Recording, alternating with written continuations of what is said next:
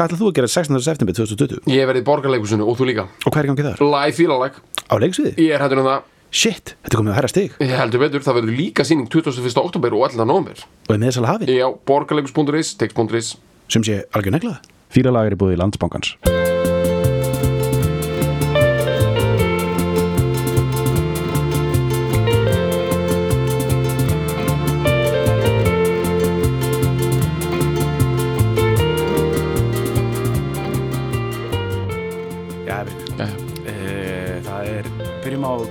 Já. það er nokkuð, nokkuð mikilvægt uh, það er svona nokkur atrið sem við þurfum að, að minnast mm Mhm.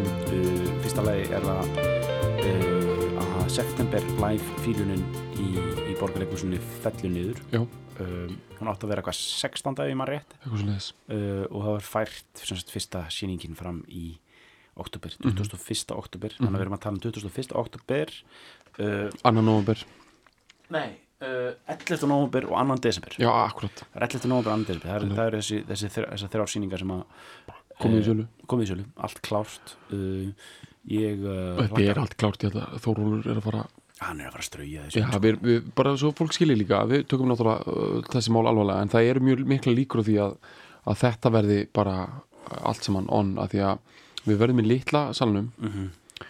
sem er svona 200 manna salur og ef það þarf að uh, gæta þess að fólk, þú veist því svona ákveð bílamöldi fólk svo er líka eitthvað hægt að fiffa það sko já, eitthvað svona hólfa þetta á eitthvað og já, það verður, það er nefndur 100 manna samgöngu dagmarkarinn núna en það er svona já, mér finnst svona líklegt að það verður Hann var að fara að ræsa, hann er að ræsa upp í 200 held ég, sko. Ég held það, þannig að, já, akkurat Þannig að 21. oktober, það er bara þetta er, Býtum við, ég er Jú, nei, það 21. okt 11. nóf 11. nóf og og Berlínamúrin fjall 11. nómur Ding dong Er það ekki? Jú. Þannig við þurfum að taka Við einhverja þurfum að taka einhverja, já, einmitt bara enn eina kaldasrís negluna Já, við þreytjumst ekki að því Talandi um það, þá við að fara að taka enn eina dillaneglun í dag Já, og sem er líka kaldasrís negla líka þessi. Ekki spurning, þetta er Og- heimsenda negla en áður en við förum í það þá það vantar eina til, tilgjöringu viðbútt Mhm. ef þið eruð að hlusta á hana þátt uh, svona í eins nánált línulegri dagskráði getið þar að segja á föstudags uh, föstudegi Mhm. Þá er á morgun þar að segja þá uh, hvað, er, hvað er, það er þá föstudagurinn er 50, ekki? Nei, Nei, fjórði fjórði og 50, lögadagurinn 50 Mhm. fyrir loftið hérna á ráseitt Mhm. uh, mergþur hérna uh, rúf klessa Mhm. frá uh, ykkar yðar ein, einlægum Rása eitt eða ekki rás 1, Mhm. það er rás 1 uh, þáttur, þetta er fyrsti þáttur á fjórum sem ég er búin að vera að krukka í um hérna Nick Drake Mhm. uh, þetta er 10 years in the making sko Mhm. Þetta er eimað dæmið eða þetta er eina dæmi sko þetta er skraufþurft með samt svona dassi af snossa sósu on the side Mhm. uh, en annars bara uh, Þetta heldur vatni þetta heldur vatni Mhm. og uh, bara Já, Þetta er bara svona marg eimað dæmi Já. Þetta er bara essensin í í dreikarunum sko. Geðvitt og Fjórir ég drakk mikið af stofnarnarkaffi þegar ég var að lesa þetta inn. Aha.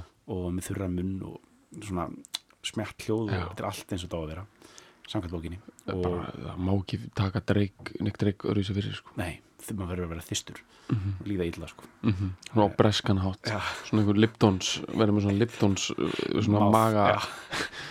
svona magaseyðing. Já, uh, já, mermaids eða hvað heitir það hana Æ, svona Já, teði hana Já, ég er að tala um hana Dótið sem smirðuna brauð Svona einhvers Já, konar steikingar marmætt já, já svona, einmitt og hérna, Og svona netta hálspólku Og svona umíkjalaðan trefil um hálsin einmitt.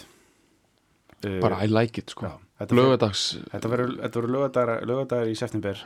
Þannig að þið fáið, í september fáið þið tvöfaldan skamt Já, Fössarnir eru að, eru eru fílun og, Mhm. og lögadagum er að þetta er one two punch sko, þá fáið þið kildur í, kildi í maðan af uh, bresku uh, svartnæði þetta er geðvitt. Við tökum kannski samt Pæling, hótun. Við ætlum kannski að taka smá pásu Rétt árum við förum á sviðið Já, já, já, já, Það er kannski þegar við erum komin inn í oktober Frá fílalag Já. Þess að byggja upp þorsta fyrir live fílunin Já.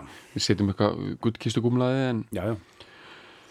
En Það var, erum það var eitthvað gaman bara, bara síðasta til- tilkynning að fá sko ábendinga frá fílahjörðinni Mhm. svona einhverjir nördar að núti sko sem vita hvaða hvaða þættir uh, eða, hva, hvaða hvað er eftir í gladkistunni hjá okkur? Veist, hvað, hvað er, ekki, er, er ekki on air? Veist, hvað, er, hvað vantar í, í uh, og þegar ég veit að það eru einhverju þættir ég veit til dæmis að I'm Not In Love þátturinn er ekki uh, fáanlegur. En áttan einhverstaðar já, já, já, sko en hérna ég er bara búin að býða með að eitthvað, eitthvað gott tækifæri kemur sko. Ok, uh, og það geti bara vel verið að verið núna í þessari oktober pásu sko uh, en það var já, gaman að fá að vita sko ef, ef fílahörðin veit um fleiri þætti sem eru ófáanlegir sko sem hafa verið gerðir en eru ekki fáanlegir á netinu. Nákvæmlega. En talandum hérna um týnda þætti. Já, að, bara, veist, við erum búin með tilkynningar þetta er meira bara svona til gamans að við náttúrulega týndum þætti já, einmitt, og uh, það, mér finnst að vera eitthvað merki frá almætinu við tókum upp fílun á La Bamba með Richie Valens, bara 100% engin afstáttur í því, bara tókum upp heila fílun og og bara bara geðug stemning og örgla bara góð þáttur. Ég, bara, veist, þetta var ekki þáttur sem lá kannski einhver rosa mikil sko rannsóknarvinna á bakvið þannig að maður er ekki eitthvað svona að býta sig yfir því sko. Nei, nei. En, en þetta er náttúrulega mikið synd. En Já, mér finnst eitthvað, eitthvað geðvitt við það að það hafi bara vaporizast upp í loftið. Já, þessi bara eitthvað fílun bara horfin. Mhm. og að því þú veist fílunin var alveg já, brömmurlega fyrir það sko. A- algjörlega. Þetta er svona uh, tréfellir í skóinu dæmi sko. Já, þetta er algjör snill og hérna við vorum í mjög miklu fíling að Já. taka La Bamba og bara, þú veist, eðlilega. já. Já, Se necesito una boca tu gracia. Við vorum alveg í geðvöku fíling bara greina textan og, og valensinn og lukið honum og allt bara gæti verið að við gerum þetta ekkert mann aftur kannski eftir ykkur ára eða eitthvað, ég veit ekki. Það, það, það, allt var klárt sko, textin, tilkynningin og já, alveg bara já. En það er bara snill og hérna þannig að þetta er bara, veginn, við fíluðum þetta en, en bara, þeir náðu ekki að heyra það samt heyrðu þau það, einhvern veginn, þetta er telepatía sko. já, já. Uh, en í dag er það enn Dylan mulningur Já, og ég get sagt þér eitt að það er, ég held að það sé svolítið merkilegt smá full circle dæmið að einhverju leiti Mhm. og mér finnst bara á ekkert á neikvæðan hátt að við erum að taka lag sem sagt, þetta er örglega fyrsta skipti sem við tökum sama lag þessi lag af sömu plötu já, einmitt, einmitt, ég var að hugsa á hann sko. þetta er kannski Dylan fílun nummer 5 eitthvað leis, en bara þetta við leitt okkur til þess að við erum aftur að fara í plötuna Bring It All Back Home Mhm. frá 1965 einmitt við tókum hérna Mr. Tambourine Man mm og þetta lag, veist, þetta, þetta er, það er líka öruglega ekki liðin nema kannski þrý, fjóri dagar á milli þess að þessi lög voru tekin upp sko. Og það er bara flott af því að þetta eru engir venjulegi dagar þannig í janúar 1965 Nei, nei, þetta er tekið upp, þessi tiltekna upptaka er 14. janúar 65 Mhm. en tveim, þreim dögum áður hafði hann tekið upp útgáfu án hlunstar Mhm. en það sem að mér langar bara rétt að byrja bara þess að setja tónina Mhm. sko þú ert búin að segja oft, ég man ekki hvað, hvað, hvað þetta kvot kemur Mhm. að rock'n'roll music is hérna, nei hvað það er aftur þú veist, já, hérna uh, minnar þeirra poetry with a backbeat to it já, já, já. Er, það, það rock'n'roll music? Já, það er semst, já, einmitt, það er sko hugsunin sko þegar, já, þegar, þegar sko rockmúsík, ekki rock'n'roll, heldur Já, rockmúsík verður til þegar, þegar hérna uh, ljóð eða bara svona, svona skáld, skáldlegi heimur, ljóðræni heimur Mhm. hittir hérna uh, bara bakbítið, sko, fær, fær, fær, fær, fær, bara rockið á bakvið sér. Já, sko, ég vil meina að þarna, þetta er, þetta er sko, þetta er svo, þetta er svo tær Mhm. skilgrinning á þessu. Já, út af því að, sko, ég veit að Dylan Going Electric, sem er rosalega þekkt dæmi og Mhm. við, við ætlum ekki að eða miklum tíma í, sko, það gerist í rauninni fyrst á þessari blötu Mhm. eða, og, og síðan, hérna Highway 61 Mhm. og það er oft miðað við þarna Newport Festival Mhm. framkomuna og þar byrjar hann á að hlaða í Maggie's Farm Mhm. með rosalum ramaskítar það er ekki rosalegu ramaskítar þessu, það er bara pikkaður, já, rosa mjúkur og fallegur. Já, melodískur uh, leikandi gítar á bakvið, sko, það er ekki þetta rock'n'roll surg, Nei, nei. En það er þetta solid backbeat Mhm, mhm. og, og þetta er bara þetta er, þetta er, finnst mér svo tær tært dæmi um það þegar að popular tónlist Mhm. fær dýft Mhm. þegar bara lj- ljóðræna fær backbeat to it og liftist einhvern veginn upp og bara þetta, bara, þetta, er, þetta breytir öllu Mhm. og mér finnst þetta lag eina bara að vera besta dæmið það Mhm. Algjörlega út af því að Mr. Tambourine Man sem við töluðum um helningi og fíluðum það, það er ekki með backbeat to it sko. Það er einlega sagt, Hrein ljóðræna bara. já, svona, og svona þjóðlega Dylan sko. Emitt, emitt og við höfum líka tekið Girl from the North Country sem er af, af hérna, Frívílin já, og þar erum við með hreinan þjóðlega Dylan Mhm. og já, en þannig erum við í þessum mörgum á milli sko. Emitt Þannig erum við meira í ætt við uh, Lega Rolling Stone og það sem mm er náttúrulega úr sama sessjóninu sko. Þessi, þessi hérna hektísku ár eða þessi hektísku átján mánuður hann þegar hann gerir þessar mm Mhm. þráblætur uh, einmitt bara tö- tökum þetta bara aftur fyrir sko. Dylan er búin að vera þjóðlega tónlistamæður Fyrst, fyrsta platan Bob Dylan kemur út 62 og er mest með tökulögum Mhm. og hann- maður finnur hann þvílíkt mikið en þá að bara, tá, bara tálka sér til sko já, og hann er bara, þú veist, bara með babyfett framanna og, já, já. og svona einhvern veginn ennþá að stæla aðra mjög mikið og, Mhm. og einhvern veginn ekki fullmótaða listamæður Mhm. Svo kemur bara Free Willin og Mhm. þar er hann bara orðin uh, bara komin bara í þetta skinn í norp dæmi sko Mhm. þetta geggjaða ískalda razorblade já, skera tensjón kalda bara, fingerpointing dæmið sko já, og þar erum við bara að tala um og, og þar er hann líka orðin þessi miskunnleysi geggjaði þjófur sko. Já, veist, hann tekur bara hana Nottamon Town og, og Einmitt. ennsku þjóðlögin og bara tvíkar þau inn í einhvern nútíma amirist narrative sko. Mhm. neglir heiminn, hann gjör svona neglir heiminn við algjörlega og er fullskapaður sem, sem bara algjöra the cutting edge mm, one to watch í þjóðlega senunni Mhm. og crossover effekt alveg, spil alveg og enda, þú veist, meira kannski með tökulögum, Mhm.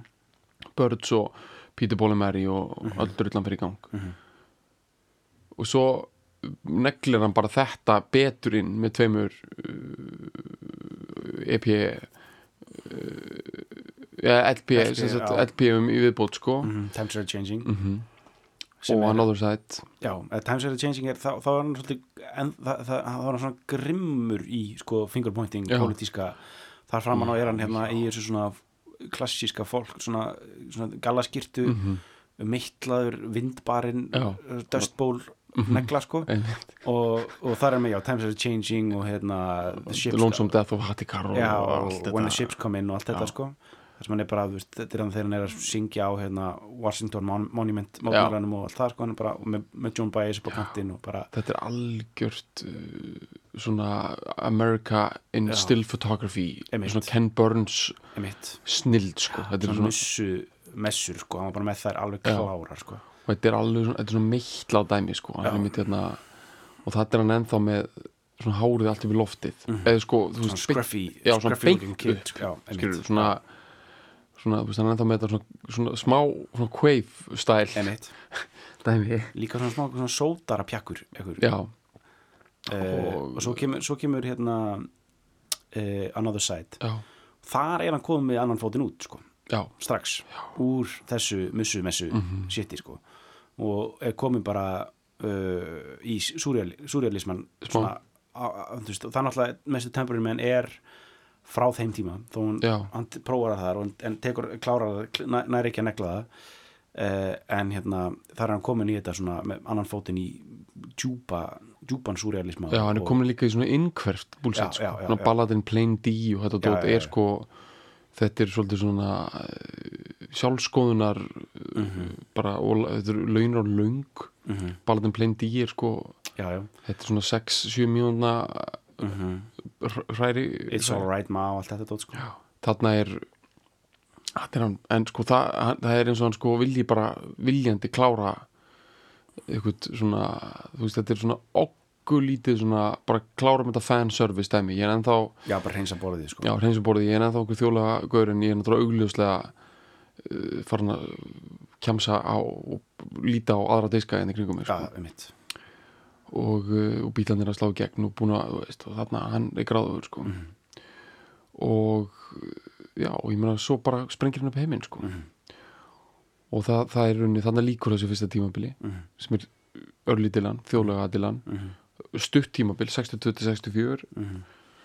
og við tekur tímabili sem að sem er bara skóp já, skóp bara hérna, baby boomer intellectual Mhm. hérna rock þóstan sko. Já, bara skóp bara alla þessum, við viljum okkur að tala eins meira um það bara hérna þessum þætti sko. Og er bara upp byrjunin á þessu sko um bara marg víða í, að, tónlist sé bara eitthvað sem hún prílar í. Uh, hann er bara búa til þá hugmynd að einmitt. þú sért að príla í contemporary popular music og þegar ég segi príla þá er það bara búa til svo mikið velkró skilur það er svo mikill franskur rennilás í því sem hann gerir. Við töluðum aðeins um þetta ég held við höfum talað aðeins um þetta í þættinum um Björk og við höfum talað um þetta í kannski fleiri þáttum. Og sko það er svo ótrúlega öflut þegar artistar búa til endalust marga fleti sem fólk getur hengt sig á og næri einhver svona symbiotic svona gagkvæmi sambandi við til dæmis blaðamenn og, og aðdæðandur það sem að þú veist, það er að túlka hluti á margan vegu. Og ég meina ég vil meina að þetta hafi bara ekki verið til Nei, einmitt. Þessi endalausa þú veist, þetta er náttúrulega hann er, sko, þú berð saman blaðamannafund með Ellis Presley og blaðamannafund með Bob Dylan þú veist, þetta er, þarna verður þessi hugmynd til, sko, um þessi rock krítik það sem að sko, þessi barningur á milli, sko, Já, þetta verður samtal sko. Og það er líkilatriði, sko, í þessu öllu. Uh, Elvis uh, kommentaði aldrei á hvað hann fannst um Vietnamstriði, hvað hann fannst um feminisma, hvað hann fannst um neitt. Og fyrst var hann ekkit spurður að því svo eftir að Dylan og Bílandi koma þá er hann spurður og hann svaraði því Nei. ekki að því hann er Justin and Jane hann Já, eins og hann svaraði alltaf sko. Já, og Dylan reyndar veist, fer í margar ringi og reynir alltaf að vera að skrefa undan sko og er alveg þekktu fyrir að svara ekki spurningum og svona en hann samt bauð upp í rosalega dans. Já, já. einmitt. Og það er að gerast allt annað og þetta er bara það er bara allt og svo er þetta samtal sem við höfum talað um áður í tengslu við Dylan, þetta samtal á milli Englands og Ameríku sem er ótrúlega merkilegt að það er eins og að þurfi englendinga þess að spekla amerískan kultúr út af því að uh, Dylan kemur þessa músík í kjölfærið á því að enskir tónlistamenn slá í gegn í Ameríku oft með því að spila amerísk þjóðlög og amerísk blúslög einmitt og öllum og dæmi sem er bara mjög basic að taka er að veist Dylan er- var að garfa í fólkmúsík á fullu eins og allir þessir fólkgæjar hana taka gömulög og, og fyrstu plötu Bob Dylan er lagið House of the Rising Sun. Og það hefur greinilega leiðið eitthvað í loftinu að negla það lag sko. Hann tekur það á margir aðrir að taka á þessum tíma en lagið er rögla það er erfitt kannski átt að sjá því Já, stundað- hva- hversu gamalt það er svona, Já, einmitt það er- eitthvað, já. m- hugsaðlega með einhverja rætur bara Já, já, 50 einmitt. árum fyrir það eitthvað sko, og ég byrja á 19. eða þú veist en, en hann neglir það en hann tekur á 62, vekur ekkert svo mikla aðtekli Mhm. svo koma gæðar frá Newcastle í Englandi og negla heimi með Mhm. og það er The Animals og, og uh, ég held að Dylan sé sko svolítið, hann er eina svona hálft í hvoru pínu sko pyrraður sko Já, einmitt og þess vegna heitir platan Bring It All Back Home. Mhm. skublum svo öllu heim Já, aftur komum með þetta sko. Mhm. Hvað, En- hverju þykist þið vera sko? En þess að flækja málun enn meira þá fær, nýtur hann eina meiri velgengni með þessar pælingar sínar í Englandi heldur en í Bandaríkan Þannig að þetta er, Já, einmitt Like a Rolling Stone er veist, number one hit í Breitlandi skilur en ekki mm -hmm. og þú veist. Mhm. það er, var ekki líka uh, sub Subterranean Homesick Blues á ég að, þar? ég held að, já. Á meðan Bob Dylan hefur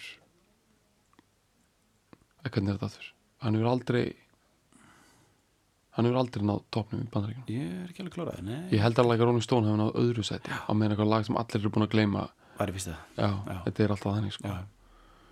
Einhver uh, tyggjó kúla var í fyrst sæti sko. Er eitt frægast þetta með því sko að uh, Strawberry Fields Mhm. og Penny Lane singullin Mhm. sem bara, þú veist, má færa rauk fyrir að sé bara einhver stórkostlega pop Mhm. singull allra tíma Mhm. lendi í öðru seti, sko, fyrsti singull bílan til þess að lenda í öðru seti frá, sko frá, eða ekki í fyrsta seti Já, frá, hérna, bara Love Me Do. Uh, út af því að hann að Release Me með Eng Engibert Humperdinck var í fyrsta Já, seti, sko. Takk fyrir það, já, ég, það er bara er þannig, sko suck on that, sko. Það er bara geðið sko. Hérna Já, þannig að þú veist við, En við höfum farið yfir þetta allt sko. Ég veit þetta er orðin svona smá Skulum ekki gleyma að fíla og svona Nei, nei. að því sko varandi fílunina þú veist það er ekki tilhörnum við að taka þetta lag þetta er bara, þetta er gjörsanlega þetta er svo geðveikt lag Mhm. og þetta er effortless dýft Mhm. létt að segja það núna sko en mm gæði náttúrulega er hann er sjálfur með velkró sko og í öllu hana sko Mhm. hann er að sogast fastur við allar pælingar sko, svona riksu stæl sko Mhm. ran, með rana hana og í öllu sko Mhm. og uh, sko rétt að, kannski áður við tökum textan það sem mesta djúsið er sko Mhm. þá finnst mér þetta svo ógeðslega cool að þetta finnst mér vera svo ekta núna er popmusík orðin ljóðræn Mhm. út af því að sko e, þetta er ekki langt lag Nei, þetta er ekki, eins og a Rolling Stone er langt já, sko. einmitt, einmitt, þetta lag er bara 2 mínútur og einmitt. 50 sekundur Þetta er bara pop singull bara sneið þið Já, og hann er melodískur og ótrúlega snjallan hátt Mhm. þar að segja sko laglínan sjálf, sönglínan hún er rosalega monotón Mhm. tvær, þrjá nótur eða eitthvað ekkit mikið bíl á milli, ég var hans nefnilega að pæla í þessu en snildin liggur í sko að það skiptur svo mikið um hljóma undir Mhm. þeir eru svolítið leikandi veist, þeir eru svona skiptast á dúr og mól og eru svolítið svona Mhm. uh, já, bara einhvern veginn gefa einhverjum svona melodíska undiröldu Mhm. Og svo er, hérna, er lít gítarlína allan tíman Einmitt, en þannig að hann kemst upp með sem ég finnst svolítið eh, svo- svona snöll lust sko Mhm. og hefur mér þess að verið fjallað um að það sé svona ákveðin hann kemst eiginlega upp með svona alveg veist, hann er nánasti bara að lesa ljóð Mhm. með bara rosalega einföldum uh, laglínu eða svona Mhm. og, en samt er þetta playful og melodist Mhm. út af hvernig þetta er pakka saman sko. Mhm. Ég held að þetta bara fara ekki textan sko já, ég held að við þurfum eiginlega bara að detti í það sko. það, það, það, það er nóg að taka það sko sko, hérna það er bara, eh, sko, eiginlega ástæðan fyrir því að ég bara varð að fá þetta lag sko. mm ég er, mér langar svo að kjamsa á þessum titli Mhm. þetta er eh, þetta er eh, rosalega mikið kjams andlag þessi titill Sko áður að gera það þá var ég minna á uh, uh, kostunar og samstæðsal og ankorar mm -hmm. landsmákan og með landsmákanum getur þú endur fjármagnað íbúðinni þannig að mikið verið að taka það þessi dagana sko. Uh, það er kannski komin tími til þess að að færa lánun úr, úr lífeyri sönnu yfir, í- yfir landsmákan og uh, bílalán. Mhm. landsmákan sér líka um það. Vistfæna bílafjármögnun. Og líka náttúrulega má ekki glemma auka krónunum þar sem þú getur uh, safnað auka krónun til þess að nota á yfir 250 samstæðsmör aðalum út um allan land. E, Takk fyrir það. Takk fyrir. Sko, þetta titillin á svo lagi Mhm. Ef við myndum slá þessu upp í Spotify í dag Mhm. plötunum Bring It All Back Home þá mun bara standa Love Minus Zero Mhm. Ást 0 Mhm. en á fyrstu pressun á plötunni Mhm. hétt lagið Love Minus Zero skástrygg No Limit Mhm. og þannig er það oft skráð Mhm. og uh, mér finnst að það sé gott að halda því til haga Það er titillin sko. það er titillin og það á að segja Love Minus Zero over No Limit af því þetta er jafna eins og starfræði Já. Já. og ég vissi þetta aldrei sko. Mhm. ég var Ég var- ég hef aldrei vitað hvernig maður þetta Ég held að það væri, ég held maður ætti bara að segja Love Mine is Zero No Limit Það er að segja, skástryggi ætti ekki vera sagt eitthvað svona slash eða eitthvað svona Já. heldur, Þetta væri bara svona eins og alternate titill, eitthvað svona stælar mm Lagið heitir annarkort ást mínus ekkert eða takmarkalöst, án takmarkana En ég man ekki hvort þessi fengi úr ykkur sko viðtali við hann, hann Þetta er eitthvað dreigið frá kommentur honum eða eitthvað Þetta er hugsað sem jafna. Ok, þetta er jafna. Þetta er að jafn Já, og, og ég fyrst þegar ég pældi því, þá var ég bara, neða, er ekki séns, það er ekkit en einhver bent á, ég man ekki hver en þetta er eitthvað svona dreigði frá, að þetta sé hugsana undir áhrifum frá hvernig hérna, líkur eru gefnur upp í veðmálum, af því það er svo rosalega stór og mikið retoriki kringum það og hefur alltaf verið og það er hluti af þessum dagukultúr sem að lagi vísa til. Einmitt.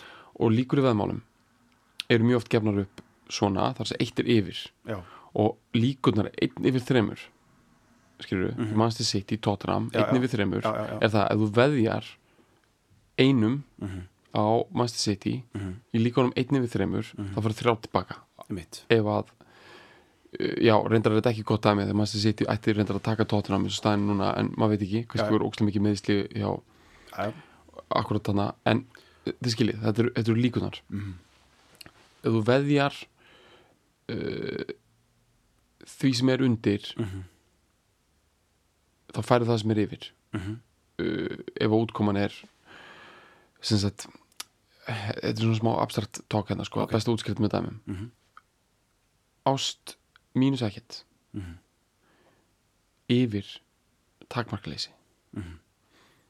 þýði það ef þú leggur undir takmarkaleysi, sem sagt no limit. Ef þú leggur undir allt, gjör svona allt já, no limit. Takmarkar leysið já, bara, já, ef þú leggur það undir, bara gefur ekkert eftir þá getur þú unnið ótakmarkaða ást sem sagt ást án Núls. án núls, mínus núl ok, ok, ok. Já, ég veit að þetta er smá en við, við, við, kenningu, já, þá getur þú unnið það. Að, að samaskapi ef þú leggur undir í, í bara þessari jöfnu Mhm. ef þú leggur undir love minus zero Mhm. skilirðuslausa ást, ást. já, þá getur unnið allt í heiminum þá er allt þér falt Mhm. ef þú unnið veðmálið ef þú leggur það undir þá færðu allt einmitt og mér finnst þessi pæling að ég heyrti þetta svo sjaldan, ég sá þetta svona einhvers staðar, þetta, þessi pæling hana sko það var einhver heimildamynd um hérna ó ég hefði kannski átt að vera búin að negla þetta yfirbyrðuna, það er alltaf lægja, þetta eru bara svona ég er bara mjög núna, það var einhver heimildamynd þetta er einhver Netflix styrla um einhvern einhvern Jésu bræðralag, einhver heila þvota bullshit í bandarækjunum sem er ennþá starfandi sko. Eitthvað svona Opus Dei nema eitthvað ennþá meira secret og operar í Washington DC sko sem einhver svona mega lobbygrúp fyrir bara löggjöf í bandarækjunum mm -hmm. einhver, einhver þetta er semi svona einhver eða, veist, ok, ég ætla ekki- að fullur um það en þetta er svona eitthvað samt eiginlega svona eitthvað svona semi eitthvað svona white supremacy líkt af þessu sko. Ok, og, og kristilegt ok. Alveg í döðlur sko. Já, já, og þar, þeirra slagorð Mhm. er sko Jesus minus nothing. Mhm. minnum mig. Ég með minna því sem segja rétt sko. ok. Sem sagt sko eh, Jésús mínus 0 ok, og pælingin er sem sagt að sko þeir eru með einhverjum útgáfa af biblíunni. Já, það sem eru bara með það sem Jésús segir. Já. En þeir eru með allt sem Jésús segir. Og þetta, þetta sé bara komplett allt sem hún þarf að vita. Ok, þetta er, þetta er klikkun sko. Ok. Þú veist, ég er ekki að, ég er bara að nota sem dæmi um sko skil. retorík sko, skil, skil, þú veist, sem er svo er, kannski voru þeir með Jesus plus nothing, ég held nefnilega þeir hafa verið með það sorry, en, Já, en ok. þetta er sama ég þetta er Jésu plus 0 Já. er allt sem þú þarft. Jésu plus 0 já, já, og þetta er svo ógeðslega svona þetta er svo aggressíft Mhm. og svo klín leið á að koma skilabóðum á framfæri. Mhm. þess að þú þarft í lífið þetta er Jésu plus 0 Ekki raskat. Já, ekki raskat. Jésu plus ekki raskat og mér finnst þessi pæling að því að plus 0 er náttúrulega sama á mínus 0 já, Þú veist, það er bara, Já, já, það, er bara veist, það leggur bara áherslu á hitt er allt sem þarf Mhm. já, einmitt. og mér finnst þessi love minus zero í over no limit mér finnst þetta svo geðveik pæling sko. þetta sprengir upp sko. ég veit þetta er náttúrulega bara að skrifa í einhver svona bríeri og ekkert einhver þetta er svona típist eitthvað sem einhver þú veist svona mentaskólanemi svona skrifar eitthvað einhverju starffræði tíma eitthvað svona býtur einhverju jöfnum eitthvað hjarta yfir svona infinity sign eitthvað keftaði sko. En mér finnst þetta að vera svo skotelt dæmi sko. Þetta er það sko. Ef þú leggur undir uh, og þetta er bara retorík að gera þetta svona love minus zero. Ef þú leggur það undir. En ástæðan fyrir mér finnst þetta svo cool er þetta því að við erum svo mikið að gefa sko ást mínus eitthvað. Og við gefum út svo mörg hjörtu á dag á samfélagsmiðlum. Við erum að hjarta drasla á Twitter og svona og það er ekki love minus zero sko. Nei, það er love minus a lot sko. og, en ef þú gefur út til endanlega love minus zero þú veist, ef þú setur það einhvern veginn fram skilirislaust það sem þú bara svona ert finnst við vera svo mikið í okkar heimi og þetta er ekki, kannski ekkert bara að gera með nútíman þetta er bara svona the human condition. Við erum alltaf að skilir það uh, sem sagt uh, kærleika okkar, við erum alltaf að skilir við það við fáum okkar á móti við skilurum hann við það já þetta, ég er tilbúin að fallast á þetta ef og ef og ef Já, og, já, og svo erum við tilbúin að breyta því taka það tilbaka, ekki standa við það eitthvað endalur símat á því hvað við virkilega styðjum. Mhm. en svo ef það er til þessi hugmyndum þess að skilurislösu ást sem að er líka, þú veist, ég heldur Guðfræðin og tólkun á biblíunni, þú veist að ást Guðs er skilurislaus, hann mun elska þið þrátt fyrir allt sem þú gerir og það er það sem er svo, það er það sem er svo einlega aggressítt við það, sko, það er það sem er svo klikkað, sko. Hérna, deal with it sko. Mhm. bara þú hérna, ert bara búin að klúra allir lífi og brjótast inn og bara drepa fólk og eitthvað en ég svo elskar Mhm. þú veist, það, það, er ó, það er næstu óþægileg pæling sko. Og mér finnst þessi pæ- hugmynd um það að stillis upp svona ef þú leggur einhvern mann hjarta eitt algjörlega óskorið á borðið Mhm. þá ert þú að leggja undir. Þú ert að setja, taka þátt í veðmáli og þú vinnur veðmálið þá öðlastu allt. Mhm. og þetta er bara svo gett og öðlast no limit sem er vantar eitthvað starfræði búlsitt yfir endaleysuna einmitt. Þetta er geggjað sko, Mhm. þetta er ærandi sko þetta er geðvitt mm. bara, svo er bara uh, en já, við erum í rauninni bara að taka hérna textan sko. Já, við erum bara, bara að taka titilinn. Já, bara titillinn sko er, er svo geðvik þetta er ekkert langur texti Nei, en ég myndi segja allt í honum sé bara, bara hnausþykk Já. hnetusmjör sleggja í fjesið þetta er meir og minna bara royal búðingur alveg gjörsanlega Sagt, þeittur rétt bara með 33% rjómanum Mhm. uh, bara út í gegn sko. er svona, þetta er allt pískað á hárréttan átt það er ekkert þarna overcooked Mhm. My love she speaks like silence Mhm. strax negla Mhm. ok Sound of Silence, það er ekki komið út hana nei eða, eða kemur út 60 eða elektrik og það er já sko já, óramagnað útgáfan er komin út hún er komin út hana já, ok. Hann er alveg potið ekki búin að heyra heldur ekki? Nei, ok, ekki okkar maður sko. hann, er ekki, að hann er ekki að hugsa um minni spámenni sig sko. okay. Paul Þetta er- Simon er ennþá bara tillingaskýtur hann Já, og lægið á eftir að verða þessi negla sem að verður með Já, já. elektró útgáfinni það er náttúrulega sami pródusur Tom, Tom Wilson sem, sem gerir það sko. Já, þú veist. Columbia Records. Já, ok, já, endir en þeir eru að pæla á sepaðan átt já, já, því að ást mín, hún talar sem þögnin. já.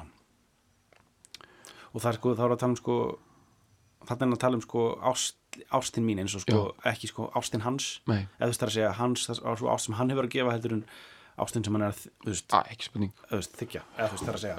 Og hérna, þetta er uh, bara eins og, eins og flest, flest þessi ástalög sem er hann að vinna, hann að vinna með í þessum þreymur plötum hana, þetta er líklega orð til uh, Sörlands sem á síðar eftir að vera eiginkona hans Mhm. og taka um nafnið Dylan. Uh, því að sko líf hans er kátist á þessum tíma Mhm. og hún er huggarinn sko. Og hún mikla, senn móðir sko. Já. Svo, að því næsta eina veit svo cool sko. Without ideals or violence. Mhm. uh, það er án hugssjóna og, Mhm. og ofbeldis. Það er rosalega hérna göfugt já, að geta komið fram án að því að sko hugssjónir fela í sér svo mikla fyrirætlanir Mhm. hugssjónir, er, það er svo mikið agenda í þeim skilur, ef þú kemur fram og hugssjónir þá ertu tilbúin mögulega að fórna hagsmunum, minni hagsmunum til að ná meiri Mhm. og all, allt þetta stóra skím sko Mhm. ideológian, það er hún sem að hugs, hugssjónir eru hættulegastar allra og ofbeldis fylgst þar af öllu Mhm. held ég sko Mhm. þess vegna er sko, en á aftur kemur að sko þú ert mjög hreinn ef þú ert án hugssjóna Já, það ertu mjög reynd og hugmyndur um skilirislössan kærleik er, hann verður að vera án hugssjóna hann þarf að vera bara þú veist þú bara, þú ert bara tilbúin að elska alla og gefa af þér til allra. Mhm. svo kemur she doesn't have to say she's faithful yet she's true like ice like fire. Mhm. hún er bara fyrir og þetta er svolítið kúlanda með hún þarf ekki að sem sagt hún þarf ekki að sem sagt lýsa yfir ágætti um Það er verið spegildi sína sko að- já, og hérna í réttaldis baratunni, mm Mhm. hugsunarbaratunni þá náttúrulega hvort sem fólk ætla sér það eða ekki þá náttúrulega í allir pólitík þá tekur þér orð og, og þú segir skilur eins og þeim sem fólk segir oft og það, það þykir mig eiginlega jákvætt að segja það ég er með sterkar réttaldskend Mhm. hann er að segja, hún er mannski sem segir það ekki Mhm. að segja ég er með sterkar réttlætiskend uh, það er, ég held að eina allir sem segir það, þá, það sé svolítið til í því sko. það er að segja þeir þeir eru bara það- bara síð fyrir skiptir þetta fólk máli og, og það vil breyta rétt og er tilbúið að berjast fyrir því Mhm.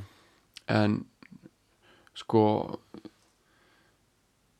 það hefur enga þýðingu að lýsa yfir styrkleika á sinni eigin réttlætskend Mhm. það hefur enga þýðingu í starra saminginu það eina sem að hættir að dæma það að vera gjörðirinnar Mhm. út af því að vondukallunum finnst þeir líka hafa sterkar réttlætskend Mhm. ef, eftir aðtökum það er mismunandi, sumir eru náttúrulega bara sociopatar og eru bara klikkaðir Mhm, og, en ég get sagt þér að Lukashenko hvað hann er hann að hann er pottþétt til þess að vera að gera rétt. Mhm. Og vera með sterkar réttlætskend Belarus Mhm. hérna, Bjánin bjánin Já. uh, ég veit ekki þegar hún er komin út í gæði eins og Putin eða eitthvað svona hvort að þeir séu hvort þeir eitthvað meira séðir sko, en, Já, já. en svona basic svona einhvers herra mm, Gaddafi. Já það er bara svona já ég er bara með sterkar réttlætskend er að fylgja því sem er rétt fyrir þjóðminni og það er Einmitt. bara arðræna okkur á vest, vestrann ríkjum heilengi og Einmitt.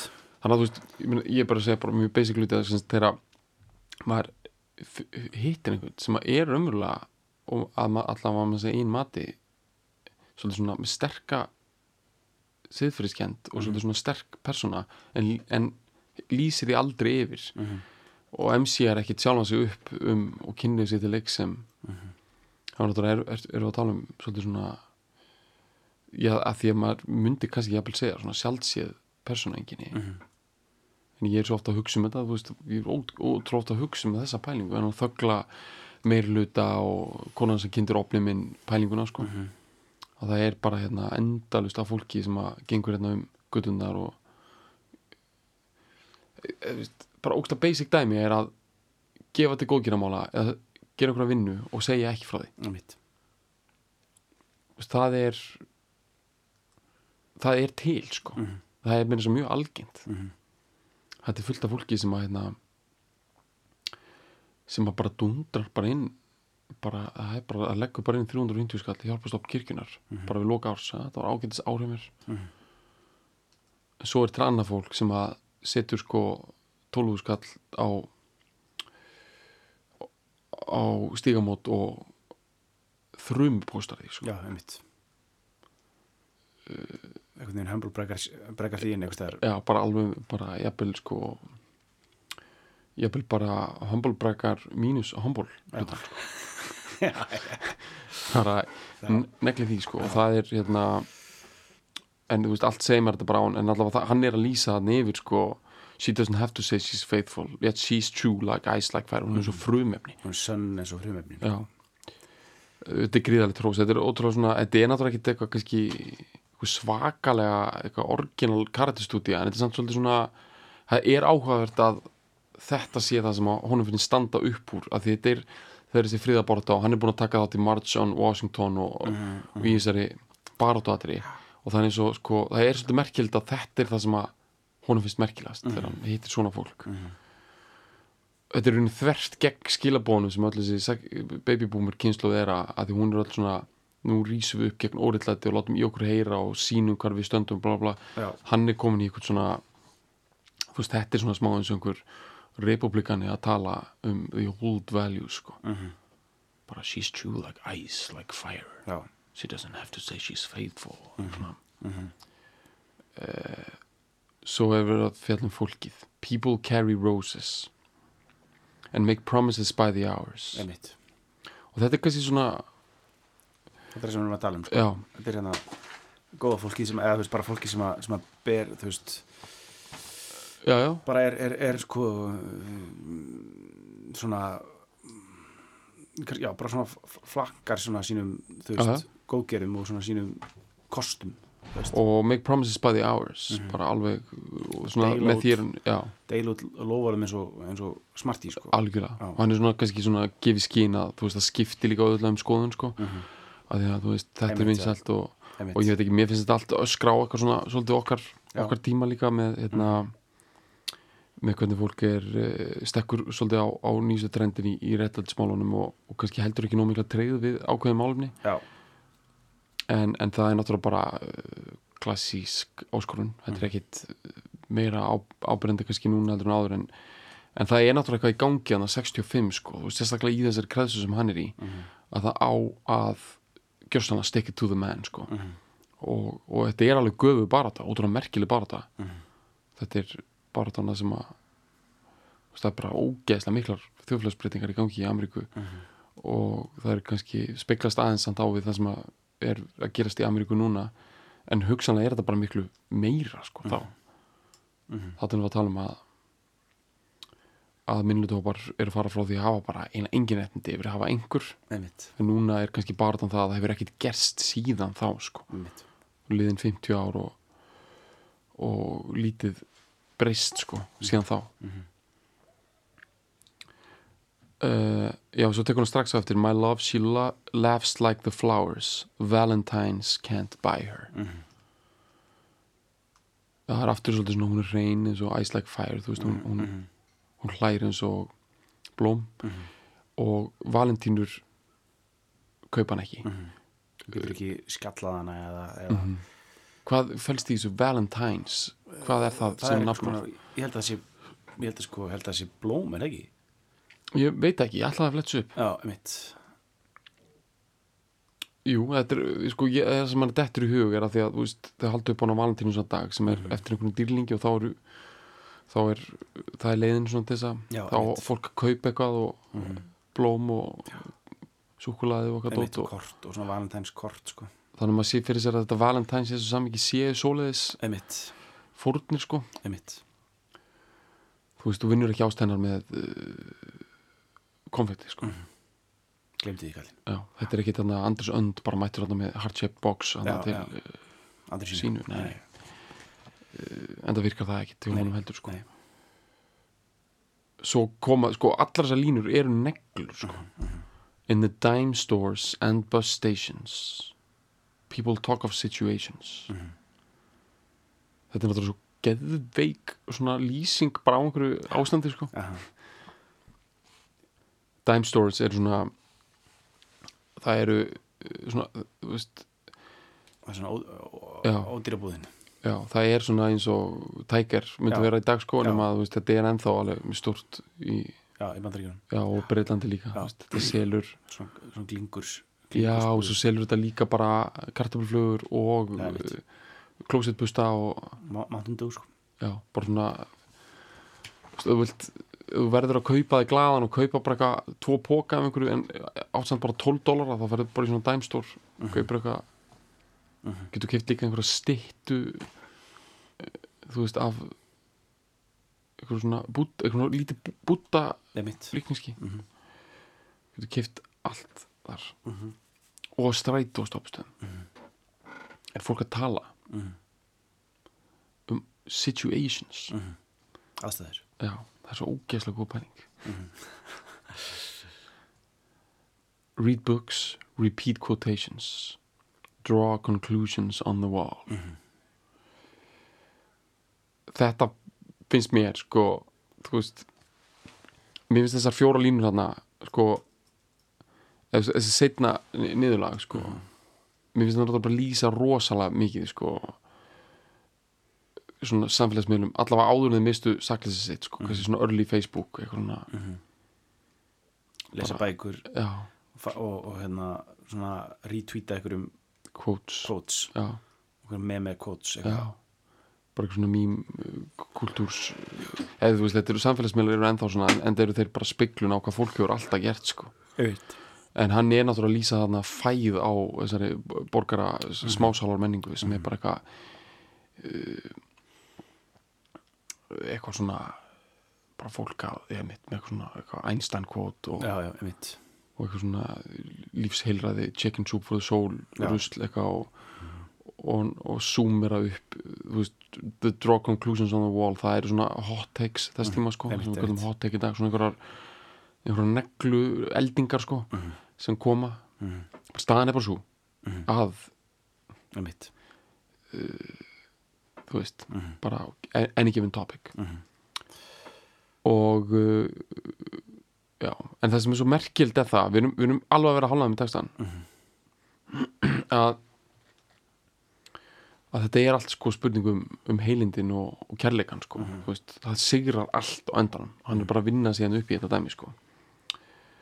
En þú veist, við erum, við erum að draga upp þessa mynd þú veist, og þetta er svolítið fílingur 65 sko, það eru, við erum að tala um bara, svo fólk þetta í, í rétta dæmið, þú veist, þetta eru b- b- alpahúðnar þetta eru tilgerlegu skekkin Mhm. svona þunn svona goatee system rúlugra og, Mhm. og peysunar og, og svona kannski þverröndóttar svona listamanna Mhm.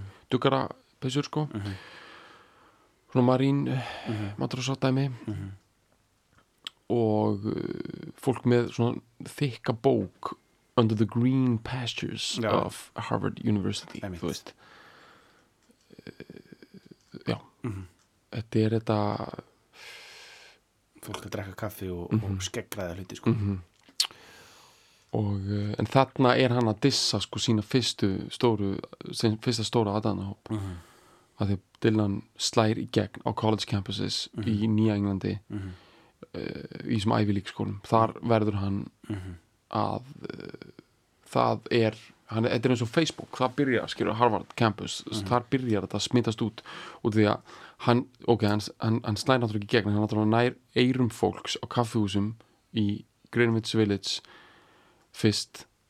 Það er ekki, þú veist það, það er ekki sko með kongulóanet út um allan veist, fyrsta networki sem hann nær eru college campuses.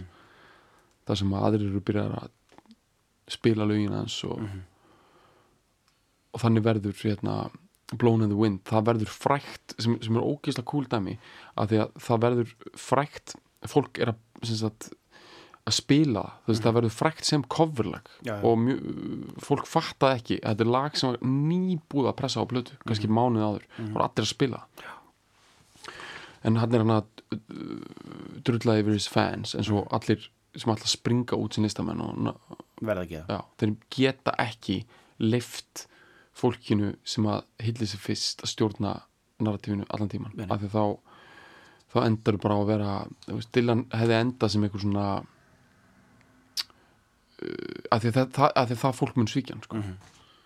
intellectuals munu svíkja þig Mhm. þau munu svíkja þig illa sko. Mhm.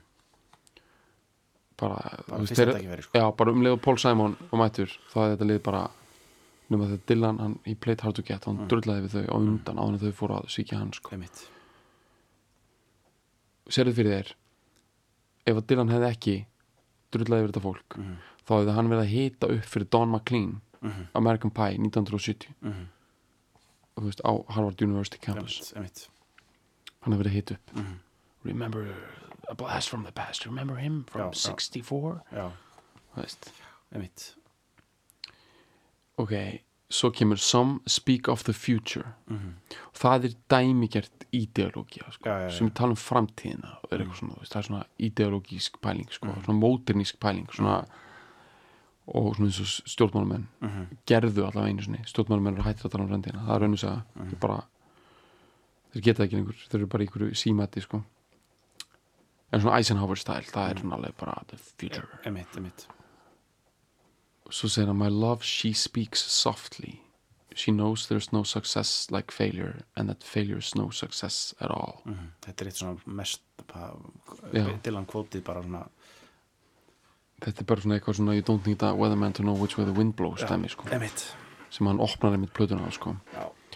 Uh, sko, mér dettur í hug, getur verið að hann sé þarna að vísi sko, allar þessar repeat quotations Mhm.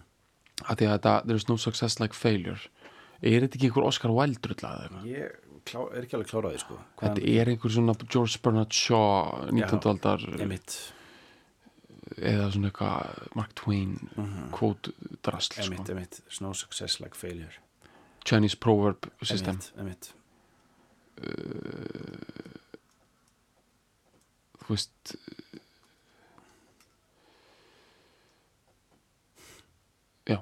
Skilur, e, e, heldur hann sé ekki að leika sig með það Jú, eða þú veist Jú, og svo er þetta líka bara þú veist, eitthvað svona mm, þú veist þú getur ekki þú getur ekki uh, náð velgengni Mhm. þú veist, á þess að prófa þetta er eru svona basic, basic pælingar eins og það, skilju, og á þess að já, mistakast, þú veist, og í mistökum er fólkin, þú veist, það mikill Mhm. sko, lærdómur og, og, og hérna e, bara e, sko, svona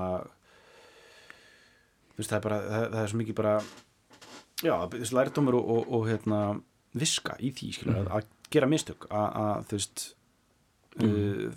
það, það eru mistök eru bara svo mikið digð skilur, að- leifa sér að gera mistök það er það sem ég það er það sem ég hef hugsað þegar ég þú veist, það er sagt að þetta sé svona eitt af, af prinsipólunum sem Amerika er byggð á að því að já, í Ameríku eru mistök leið í viðskiptum. Og þetta er mjög basic urunni dót sko eins og bara lögfræðilega. Að sem sagt ef þú fórst á hausinn í Európu þá var það ofinbert mál, það er að segja að þú, það var brota á hegningalögum, því var refsa fyrir það. Það, það er ekki bara viðskiptilega nei, þú fórst í fangilsi eða þú borgar ekki skuldiðinar Já. en í Ameríku kemur þessi hugmynd upp sem er í rauninni mótmannata hugmynd samt líka af því að veist einu stóru skuldnar sem þú getur átt eru við guð og bla ja, allt þetta og enginn getur hérna dæmtir yfir nema hann þegar kemur einhver svona engar réttalegu málefnum og þá kemur þessi hugmynd um það að þú eigir að geta byrjað upp að nýtt þú veist það bara og þá kemur hugmyndur um gjaldrótt Mhm.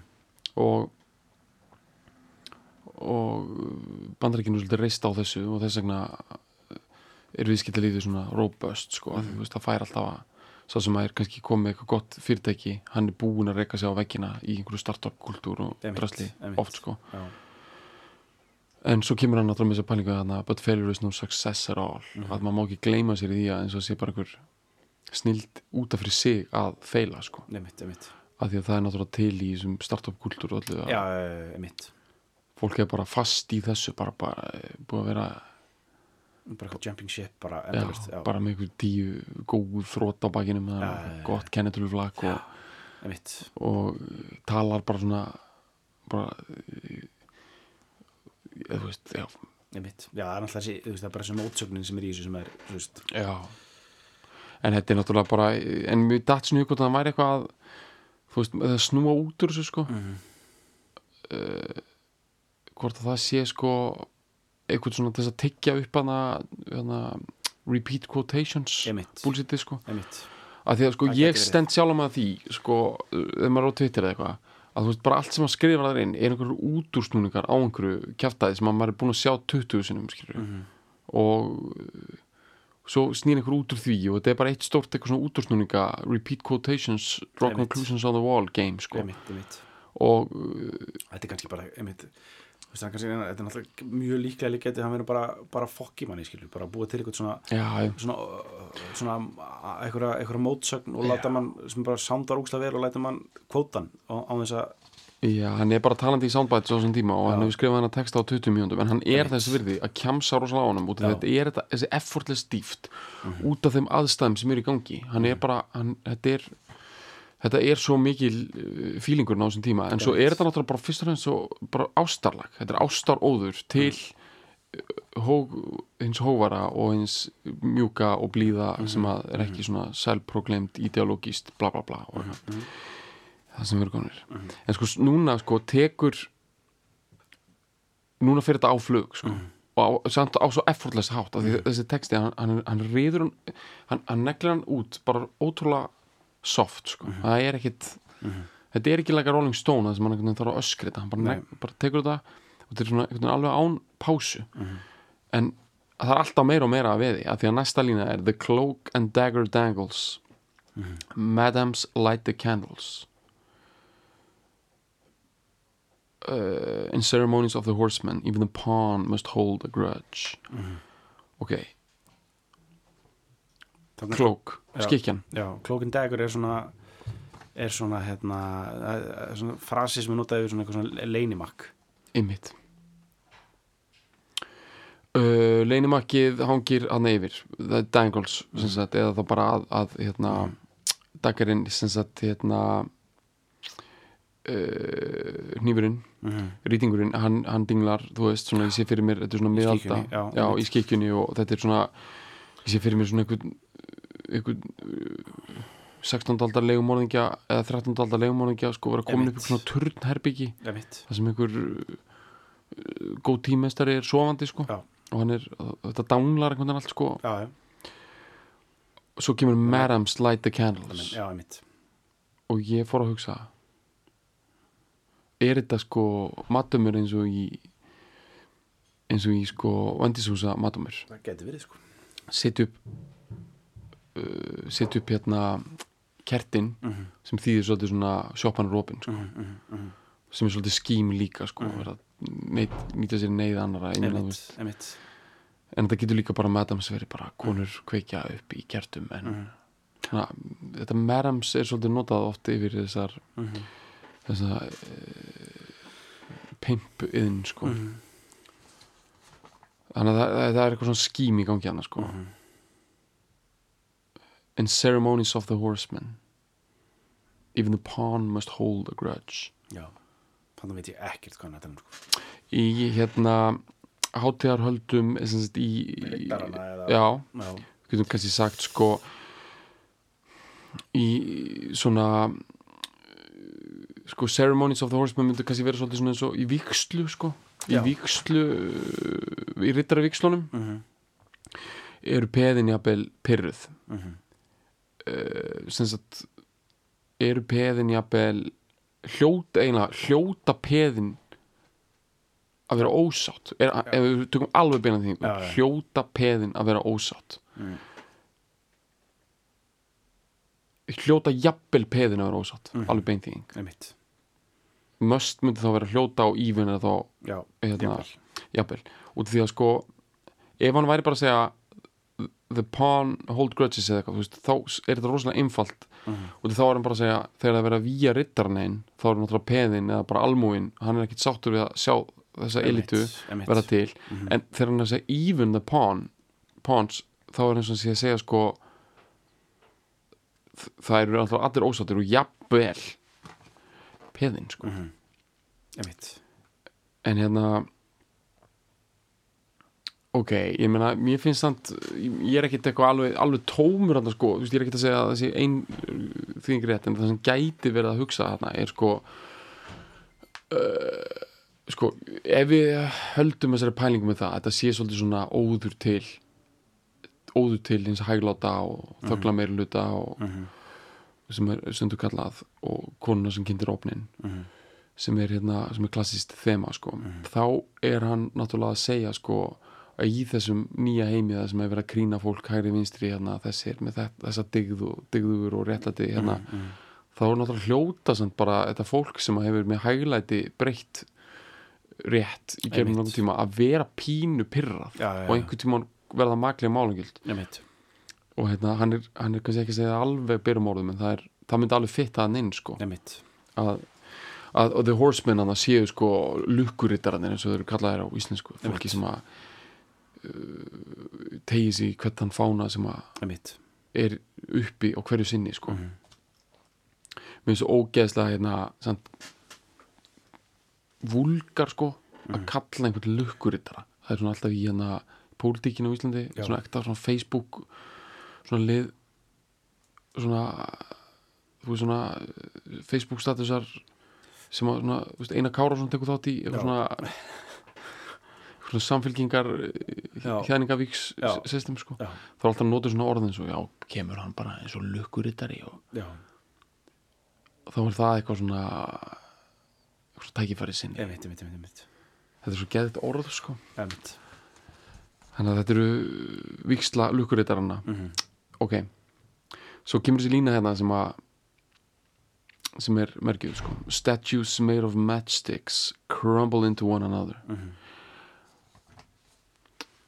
Uh, það rinja stýttunar eru búin til elspýtum já, og þarna hefur einhver meistari einhver, falla saman einhvern veginn. Já, þetta er bara líkninskinn rinja en þarna hefur einhver meistari sko hrópa nóahátt í einhverju greiningarsystemi þannig að þetta endar með sér Wikipedia síðan um lagið. Ég man ekki alveg hver þetta er sko segir að þarna, þetta sé beint tilutun í Daniels bók biblíunar mhm, eða svona hálf bein en það er mjög þekkt sko þessi tilvitnun og það þekkja hann allir þó þeir þekki ekki þessa. Sko Daniels bókin, þetta eru opinberanir þetta eru vitranir sem að Daniel verður fyrir. Mhm, og hann er að spá fyrir um fall Babylonborgar Já. það sem að Nebukadnesar er konungur. Mhm, og hann sér fyrir sér sko að það að byggja sem sagt líkneski mhm, upp styttu. Mhm. og hérna, höfuður og gulli mhm, búkurinn er úr kopar mhm, fæturnir er úr leir Mhm. já, undirstöðunar úr spreki mhm, og þetta er svona að standa á bröðfótum pælingin sko. Já, já, og ég man ekki nákvæmlega undir orðað í biblíunni sko. en það er þessi hugmynd með það veist, við erum að byggja líkneski en veist, þetta er alltaf rótið að neðan sko, Mhm. og allt þetta er að rinja að þetta sé allt bara, veist, statues made of matchsticks Mhm. Og líka, þú veist, matchsticks gefur líka til kynna að það geti fuðrað upp sko, að það er eldspýtur sko. Nefnitt og það séu svona sprek og, já, svona geti fuðrað bara upp og það sé allt saman bara sprek og eldspýtur og, og, hugsa um það geta Já. Fyðrað upp á og gera það mann að býta fólki rassin alveg svakalega sko. og eru byrjaðar að gera það alveg fullu sko, og, hérna, og, og það er ótrúlega óþægilegt. Þú ert búin að byggja heilu ideológíuna Mhm. og svo kemur eitthvað eitt bakslag og það hreinur allt, það gjör svona hreinur Mhm. algjörlega. Og uh, ef þú pælir svolítið í tíðaranda og kultúr eins og, eins og við höfum bara upplegaðan kannski á samfélagsmiðlum á Vesturlundum undanfarnar ár þá er þá verða topic alveg ótrúlega heitt. Þú verða svakalega heitt, þú trenda alveg svakalega. Mhm. þannig að þú getur ekki, það verður til kretta í kringu þú, þú getur ekki verið á andstæðum með nema að fara í einhver svona polarisningu, þar þú getur ekki gaggrind á einhvern svona eðlan hátt, þar það byggjast upp eins og líkneski. Mhm. sta- og sallast hann upp Mhm. svo kemur kannski eitt bakslag þú veist, kannski einhver forsvarsmaður í þessu skilur, einhver forsvarsmaður í einhverju svaka hérna eh, þú veist já, er einhvern veginn staðina því að vera rótin sjálfur eða, eða þá að það kemur bara nýtt Mhm. og við þurfum að eða okkar resursum og tíma og orku í eitthvað annað Mhm. og þá heyrist ekki múk og það bara skilur þá þú veist, þá var bara tryggur svo að byggja þetta svona svakalega mikið upp þetta sem var, þetta síðasta trend sko. Mhm. það verður að við erum að geta fara með eitthvað í bankan og við erum svona nokkuð sammála um einhver Mhm. grunngildi, þú veist, við erum í svo við erum í svo harkalegu svona hek, hekilskum díalóg Mhm. með tilliti þess að sko að halda einhverju fram byggja einhver svaka konsensus um það Mhm. og vera samt svo tilbúin að fordunum algjörða þegar næsta trend kemur Mhm. til þess að reyna einhvern mjaka baratun áfram í staðan fyrir að vera einhver svona meira eðlum uh, skoðanaskiptum um málin og vera með allt í einhverju. En þetta er svolítið kúl sko við í, í, hérna, í Daniels bók þá er þetta undarfari heimsendis sko. Þetta, það er alltaf reynja sko. Mhm. það er status sem sagt líkniskinn hjá unnifokotnessar eru rótin Mhm. þau standa á bröðfótum Mhm. og þau falla saman. Minnst það svolítið, þau crumble into one another. Einmitt. Og þá kemur bara my love winks, she does not bother. She knows too much to argue or to judge. Einmitt. Hún er bara sporsk já. Sem minnst líka svo kúla sko og við erum ekki með neina, þórðagleiði heldur Nei, nei. sko. Bara pæli, pæli í þessu sko. já, þetta er bara, já, þið bara. byggðu eitthvað líkninski hérna og það já. rundi, já, já. Hún blikkar Ég- bara og já, já, er bara hrullu sama svo k- kemur bara hérna dæmið það sem að maðurinn er bara andsetin af uh, snilt. Mhm. The bridge at midnight trembles Mhm. þetta er svo, rosalega mynd sko Mhm. The country doctor rambles Sveitalæknirinn Talar bara- tungu. Já, bara einmitt Eitthvað bullar já. Bankers nieces seek perfection þú veist hvernig kemst hann upp með þetta Expecting all the gifts that the wise men bring. Einmitt, litlu frængur banka Mhm. kallana hérna lei, bara leita fullkomnun. Já Expecting all the gifts that wise men bring. Svona kannski svona kallast á við hugmyndur um það að Valentine's can't buy his love sko, á meðan the, the bankers nieces þær vilja bara gull og dót og eitthvað. En sko, þetta er bara svo, þetta er svo fjóri hlutir sko fyrst, þetta er svo tvær myndir sem eru svo, þú veist, hann þurfti ekki að gera það en. Nei, þetta nei. einhvern veginn býr til svo geg að bara, þegar með mann í uh, brúin. Já, hristist á miðnætti. Já. Og Og sveitalæknirinn byrjar að bulla. Þetta er svo góð en sko, ég var að horfa á Tjekkov uh, drulluna hérna Já. í Borgó, í Borgleikusinu Já, hérna uh, núna Mhm. og á síðasta leikári uh, sett upp á okkar okkar einu Mhm. Brynildi Mhm. Guðjóns Mhm. uh, verð ekki Tjekkov Vanja já. það er eitthvað svona dæmi sko. Mhm. mér, þú veist, þegar ég hugsa um þetta þá finnst mér þetta að vera svona eitthvað svona 19. aldar stofudrama frá, frá Rúslandi já, og þar er einhver svona brú að hristast og einhver svona country doctor rambling on Já. og einhver bankers nieces að byggja um gjafir Já, það er bara allt svona öll skánin á því leikriti var þetta sko. einhver svona ég bara nákvæmlega þetta. Einmitt. Og ég hugsa að þetta er bara algjör svona hot take, ok, kenning að, sem það sem að Dylan er að gera hana er búin að vera að gera sósa sig í einhvern veginn akkurat hana hann er í einhvers konar, búin að vera í einhvers starffræði dæmi sko, leysa eitthvað starffræði dæmi eða sjá eitthvað starffræði dæmi eða fletta einhverju veðmál á síðum á netinu, þannig kemur titlininn svo er hann eitthvað búin að vera að rifja upp einhverja bar mitzva kennslu um Daniels bók og standa á bröðfótum og svo hefur hann jafnvel eitthvað verið í einhverju svona Chekhov svona ógeðslega superficial Chekhov skönnun sko. eða einhver svona blaða í í Tjekov já, einhver svona berei hérna uh, svona geita skeggs hali hefur farið með hann á okkur Chekhov leikrit í einhver svona áhuga off-Broadway rusli sko. og þetta er það sem kemur út úr því sko. The Bridge at Midnight Trambles svo erum við náttúrulega með hérna, all, allt gúmulaðið eftir sko. Mhm. að, þetta, þetta, þetta lag er pakkað þannig að þú veist, þetta er allt neglur Mhm. en síðustu fjóru línunar eru náttúrulega ærandi. Það er ærandi. The wind howls like a hammer. Mhm. The night blows rainy. My love she's like some raven At my window with a broken wing. Þannig er bara, en hann alveg hættur að rýma líka? Ég dyrka það Já, það er ógeðslega stert já, og það er hvín Mhm. í, í hamrinum eins og eh, nei, í, í, í, í nóttinni eins og hamar. Já, í vindurum, já, Já, wind. já. Svo kemur the night blows rainy. Einmitt. Nóttin blæs eh, eitthvað svona svona rainy eins og, lýsingarorð Og uh, sko Tveir hlutir í þessu. Ég meina fyrst við erum bara að kjamsa svona mikið getum við alveg bara Algjörlega. Þú veist, mér sagði sko Við skulum bara ég, Við skulum, við skulum sagði aðeins bara stíga bara hæja á okkur þetta, já. sko. það er svo mikið annað sko. Það er talað um af einhverjum öðrum svona greiningar hala sko að uh, þetta er ljóð þetta sé eins og ljóð og þetta sé mögulega undir áhrifum af William Blake sem var ennst uh, proto-romantísk ljóðskald getur við sagt, út, út af því að hann var þetta klassiska ljóðskald sem hann naut ekki sannmælans á með hann lifði en er að því hann er sko, hann er alveg sko 17. aldar einmitt 1700 og súrkáldæmi sko, meðan svona romantísku stefnan í Englandi í bókmyndum nær ekki á flug fyrir með Lord Byron og fleirum þar liðið og Shelley og sem hverjum á 19. öld sko.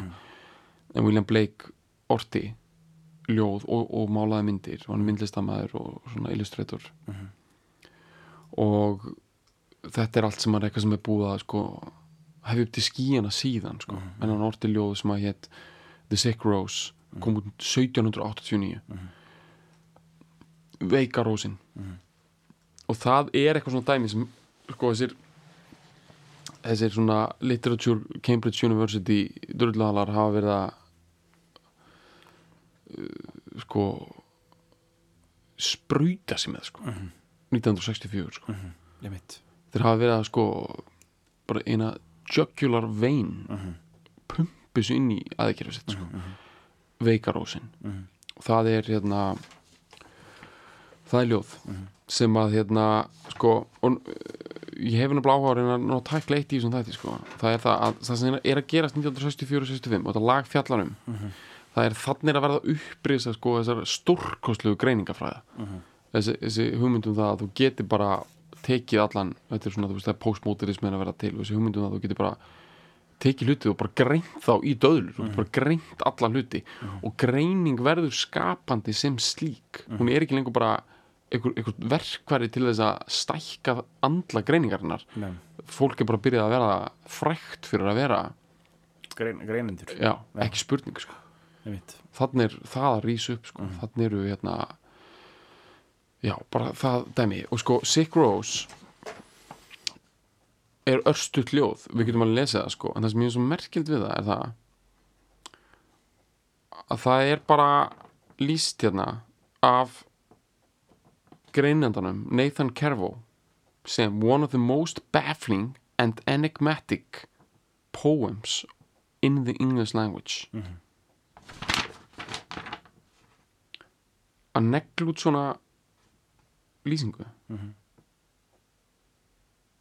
og þetta kemur fram í hérna, bók The Exp Explicator sem kom út árið 1990 eftir Nathan Kervo mm -hmm. veist ég bara segja skilur að negla út svona eitthvað þetta er svona þessi, svona staðhæfing, staðhæfing eitthvað svona? Já, já. en hérna hvað er með það? ef ekki bara negla, það er svo stutt sko. Svona er ljóðið já og, semst, og, og fleiri hafa bent á semst, að Dylan hafi verið að lesa veikur-rósina af því að hérna, lofmæni Sirius 700 áhrifum frá því. Svona er það. O Rose, thou art sick. The invisible worm that flies in the night in the howling storm has found out thy bed of crimson joy and his dark secret love does thy life destroy. Þetta á að vera hérna en það er náttúrulega einhver howling storm og eitthvað og það er einhver ormur að fara að skemma þessa rós sko já, já, já. það hefur já, einmitt, einhver ormur fundið þessa rós og já, eða rúm hennar já. einmitt, þetta er hérna já, eða við mér fast Já. sko, ég vil bara koma sér inn í jöfnuna sko út af því að þetta er er bara uppbytun fyrir það næsta sko sem er hérna vísunin í í hrafnin er eftir. Edgar Allan Poe sem er eitt frægasta söguljóð enskra tungu Mhm. allavega amerískrar uh, uh, já, og Já. svona eitt frægasta svona ljóð symbolismans í, í, í bókmyndum og, og algjört bókmyndafræði 101 Mhm. konfekt og þetta er vísun náttúrulega í hrafnin út að hann endur á að segja my love is like some raven at my window Mhm. og það er sem hrafnin gerir í ljóði Edgar Allan Poe já, en það sem er svolítið við þetta er Edgar Allan Poe, hann er með svolítið svipaðan prófíl og Dylan. Mhm. rúmum 100 árum aður uh, hérna, hrafninni frá 1845 að hann er bæði critics favorite og greinenda favorite og hann er líka vinsætti á almenningi. Einmitt, einmitt. Og hann var meðvitað um það hann er orðinni stabiliseraður þegar hrafnin kemur út af því að hann skrifaði hann skrifaði glæpasögur já, Veist, hann hann er bara crowd pleasing meistari sko Mhm. hann er true crime dæmi eitthvað, hann var blaðamaður eða ekki, Jú, svona já en þú veist, svo er hann með svona symbolisma pælingar og, og þegar hann skrifar hrafnin The Raven, þá er hann meðvitaður um það allan tíman að þarna þurfa að vera svolítið velkró fyrir uh, the highbrow audience líka sko. einmitt, einmitt þurfa að vera skemmtilegt og þetta rýmar og þetta er í svona ákveðnu formati sem bara er uh, leikur við þú veist þetta er svona eins og smá svona eins og vögguvísa fyrir fullorðið fólk sko Mhm. samt er þetta hérna fullt af gúrmegi fyrir greininduna sko. einmitt, einmitt og Dylan neglir í vísun og við tengja sig og linka sig svolítið við sko, Einmitt. Poe hana sko, með þessu mhm.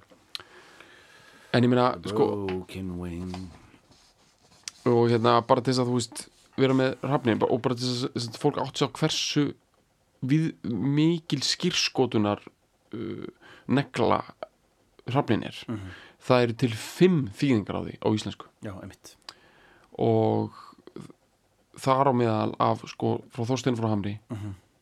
Mattias Jókomsson Mhm. Jókom sinni og Einari Benediktsson já, og einhverjum tveimur um, meisturum líka sko Mhm. einhverjum örgulega svona sem eru með svona þýðend þú veist en svona mikil skáld hafa verið að því þetta. Einmitt. Og það er samt talið að þýðingin hans einar sé elst sko því hún er frá 1892 áður en hann gefur mér svo út sína fyrstu ljóðabók. Mhm. það byrjar yfir mold sig miðnótt breyti mættur krankur huga ég leiti fyrri manna forn og kynleg fræði íms er rektu þeir höfgi mér á kvarma þekkt sé heyrist mér þá líkt og vægt sé drepið högg á dyrnar hægt sé drepið léttum fingri heyr, það er gestur þuldeg látt við þrepskjöld dyr að knýja heyr, aðkomandi ekki meir. Svo er alltaf þessi lína með hana ekki meir. Og hérna og þetta er bara fugglinni komin og hann er að berja á dyrnar og hann er með hann er táknum eitthvað, hann er bara svona eins og the ultimate tákn, mm. hrafning getur táknað svo ótrúmart mm. viskuna, feigðina, bara örlögin í öllu leiti og mér finnst þetta bara svo merkilegt út af því að sko þetta er hittari 19. aldarinnar mm. einar ben er að þýða þetta fyrir íslenska alþýðu sem er bara föst í einhverjum moldarkofum að lesa þetta sko. Og það er hafnin, þetta er svo veist, þetta er þetta fyrsta sem að stóra contribution amerískra bókmynda til heimsbyðarinnar og auðvitað hérna læsir okkar bubbidilan þessu inn í þetta ljóð. En bætir við að hrafnin sé vangbrotin sem að getur þýtt margt. Að hann þurfi einhvers konar já, hann sé það þarf aðlun Já. aðlun já, já. en sko bara svo við áttum okkur á hvað mikið í húfið hennar sko. Þarna geta nefndar líka verið að tala um sko, eins og við tölum í byrjun um Love sko. Mhm. þarna geta verið að tala um sína ást sko. já, og hún sér þú veist, sem þurfi, þurfi á að, algjörlega.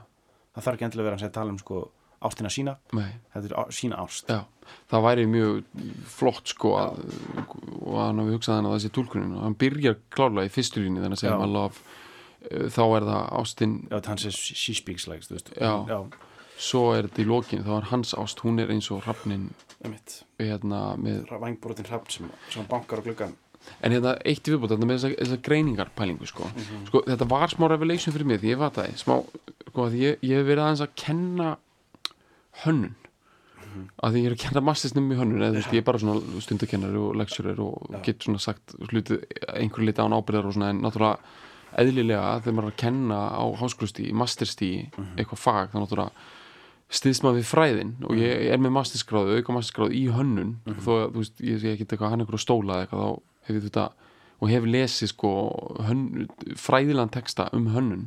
Skrifaðan eftir 2010 og þar erum við að tala um að textin er svo abstrakt og, og, og að, þú veist hann snertir aldrei jörðina sko. Nei. það er aldrei þetta er bara eitthvað háflug allan tíman og það eru til fræðigreina sem eru jáfnvel ennþá klikkaðar heldur, heldur en þetta sko. það eru til en þú veist, þetta, þetta er að því að hönnun er í rauninu huglægt fyrirbæri sem jú með einhverja snertifliti við eitthvað praktísk og, og þú getur séð það eru til sko 900 blaðsina doktorsutgerðir í hönnun. Það, það er sko, þú getur verið með doktorskráð í hönnun frá okkur skólum einmitt, og það eru til 800-900 blaðsina reitgerðir einmitt, um hönnunarprinsip og ég áttaði mig á því ég var að tala við einn heimsbygging sem að var að kenna líka þannig upp í listaháskóla og hann bendi mér á sko, en prófaði að tvíka hans hugsinni og kannski er þessi texti ekki fræðilegur, hann er ekki til að útskýra hann er skapandi sem slíkur hann er bara retorik hann er bara einhvers konar eitthvað tjald sem þú bara svona hellir yfir þetta er bara einhver tjáningarleið bara sumir þurfa að skrifa 900 blaðsíður af einhverju svona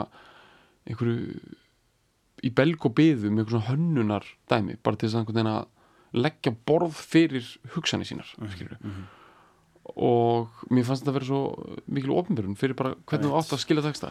Og þess vegna langar mig sko, í þessu samingi að við erum, við erum náttúrulega, veist, ég er allavega ekki yfir hafin að vera bara einhver, svo sem einhver rung greinandi hérna, við erum búin að liggja hérna yfir lofmannin Zero hérna í klukkutíma og, Einmitt. og svona, en hérna uh, sko, þetta er bók hérna sem heitir Like a Complete Unknown The Poetry of Bob Dylan's Songs 1961-69 eftir John Hinchy.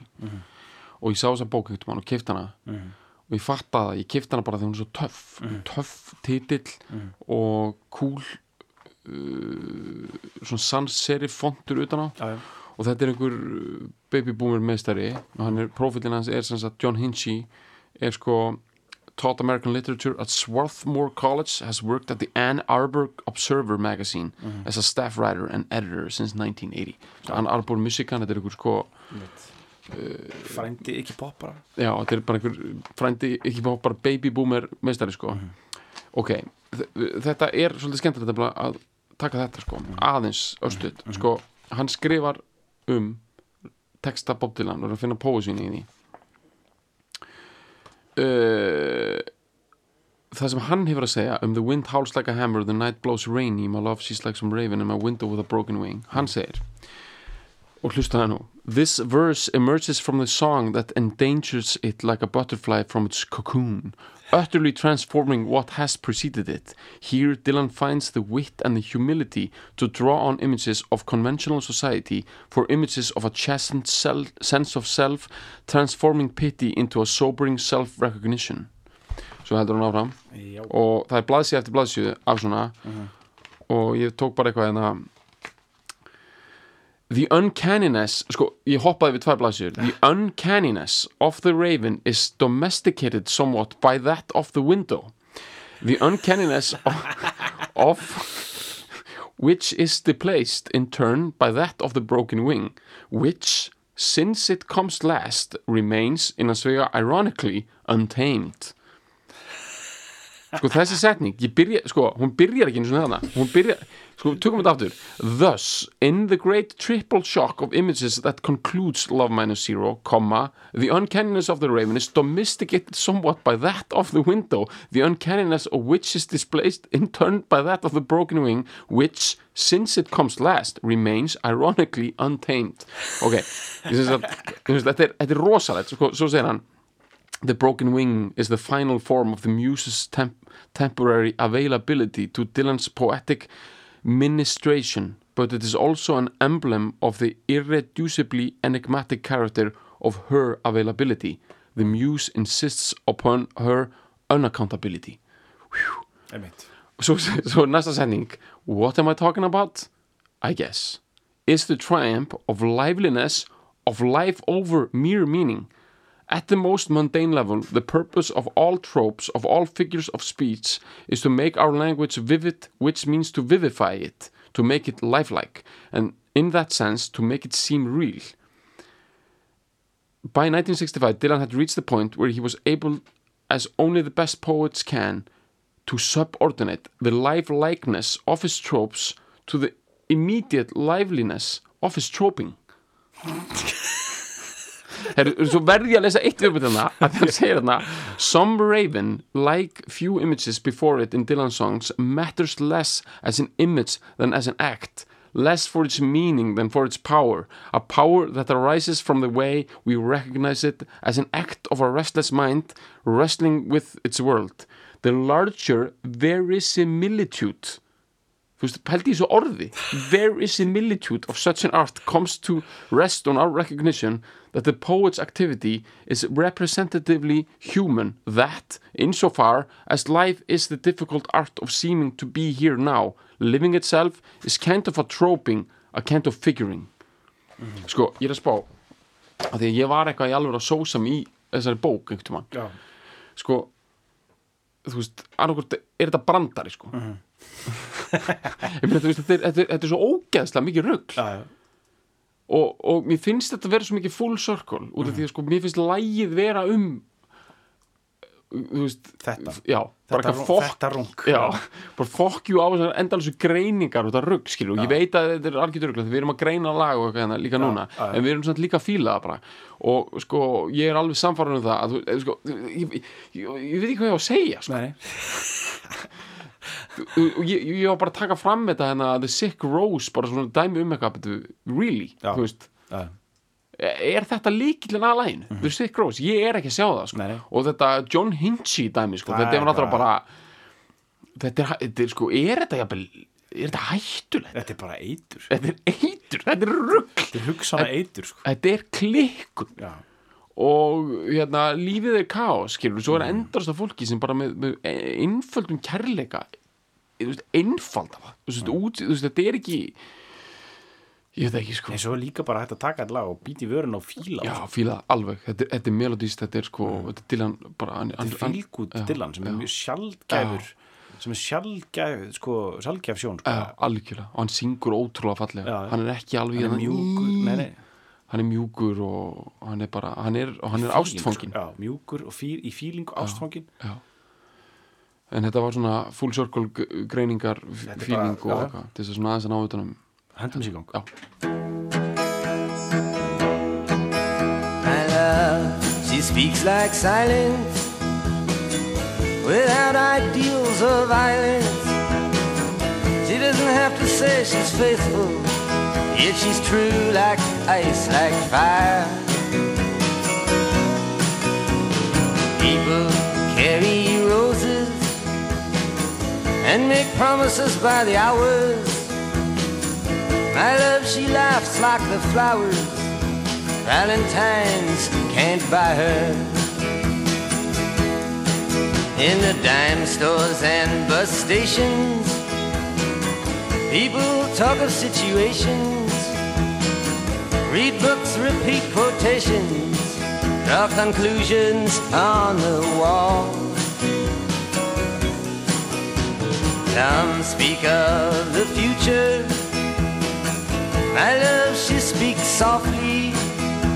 She knows there's no success like failure, and that failure's no success at all. The cloak and dagger dangles.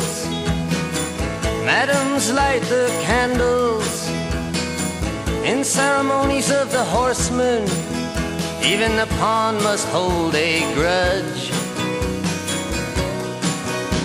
Statues made of matchsticks crumble into one another. My love winks, she does not bother. She knows too much to argue or to judge.